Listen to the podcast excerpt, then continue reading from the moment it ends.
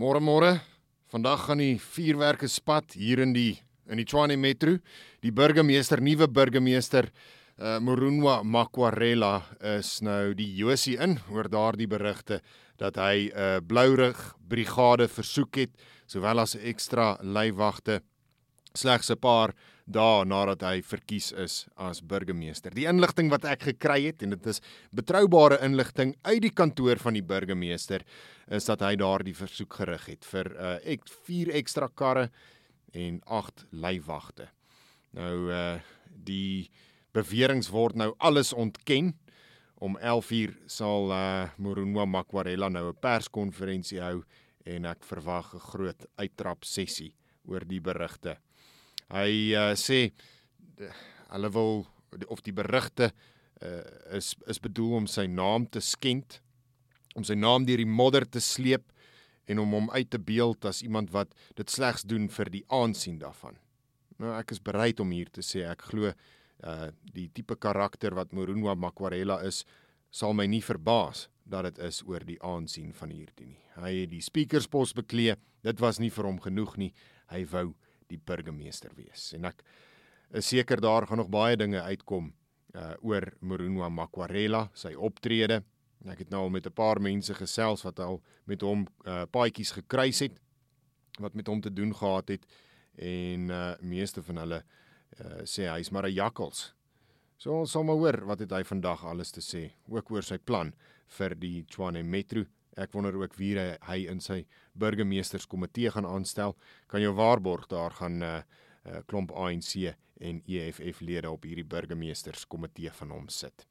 Dan ek moes my ek moes seker maak dat ek uh by die regte datum is dat dit vandag wel 3 Maart is en nie 1 April nie want oud president Jacob Zuma het gisteraand het hy 'n brief gestuur of hy het uh, gisteraand het hy dit aan die media bekend gemaak dat hy 'n brief gestuur het aan die departement van of die minister van landbou uh grondhervorming en landelike ontwikkeling Hy wil 'n grondeis indien.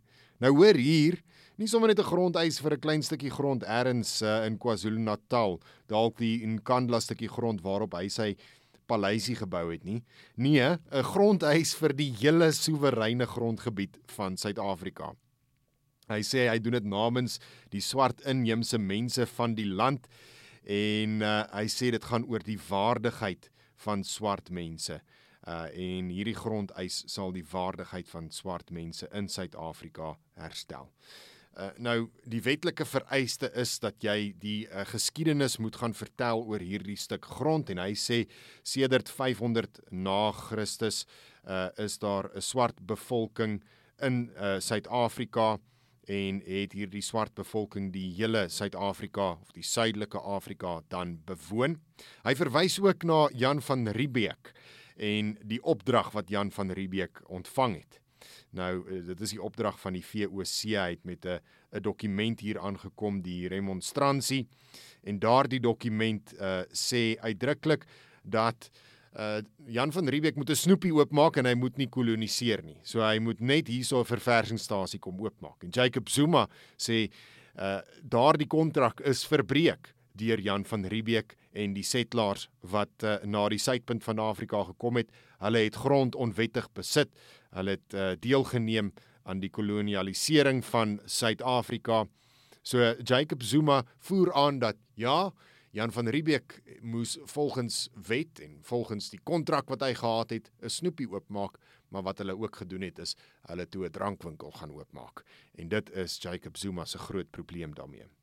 Hy het nog 'n hele rits ander dinge wat hy noem in hierdie uh, dokument, dis so 9 bladsye lank. Ek sal 'n skakel na hierdie dokument ook ook plaas in hierdie artikel, maar dit wys jou net of of op hierdie podcast, maar dit wys jou net dat ehm um, ja, benoude katte, ek weet nie of hierdie benoude katte is nie, hy's dalk net meer irrelevant.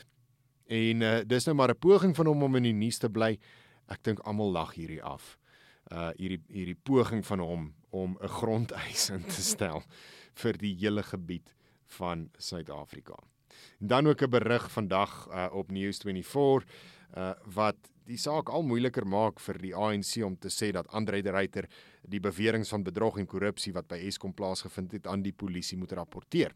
News24 berig vanoggend dat hy het nie net aan die polisie rapporteer nie, hy het dit aan die nasionale polisiekommissaris Fani Masemola rapporteer. Die top kop, die nommer 1.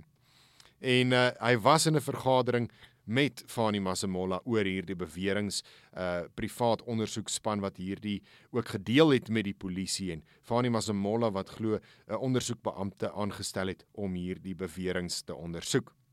Verder in die berig word daar ook genoem dat die uh president president se adviseur oor nasionale veiligheid Sidney Mufamadi is ook in kennis gestel en spesifiek ook in kennis gestel van die uh ANC politici wat by die beweerde bedrog en korrupsie by Eskom betrokke is. Mufamadi ontken dit natuurlik en Vincent Magwenya, die woordvoerder in die presidentskap, ontken dit ook en sê president Cyril Ramaphosa is nooit met enige name voorsien van mense in sy kabinet wat heel moontlik hierby betrokke is nie.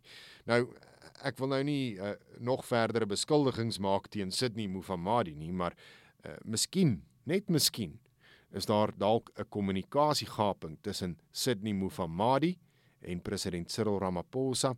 Miskien het hy dalk vergeet om hierdie klein saakie van 'n uh, ANC politisie wat betrokke is by Eskom bedrog en korrupsie aan sy politieke hoof te verskaf. Die uh, ANC het natuurlik vir die ryter tot Sondag gegee om die beweringe te staaf om 'n klag aanhangig te maak by die polisie. So hy het nog 2 dae oor om dit te doen. Ek glo nie uh Andre de Ruyter gaan binnekort by enige polisiekantoor instap met 'n met 'n 'n klag nie. En uh dis omdat hy dit reeds gedoen het. Daar word nou al gereeld berig oor hoeveel keer hy al met mense vergader het. Ek dink die ANC moet maar net berus by die feit dat uh miskien, net miskien, het hulle nie geluister toe Andre de Ruyter gepraat het nie.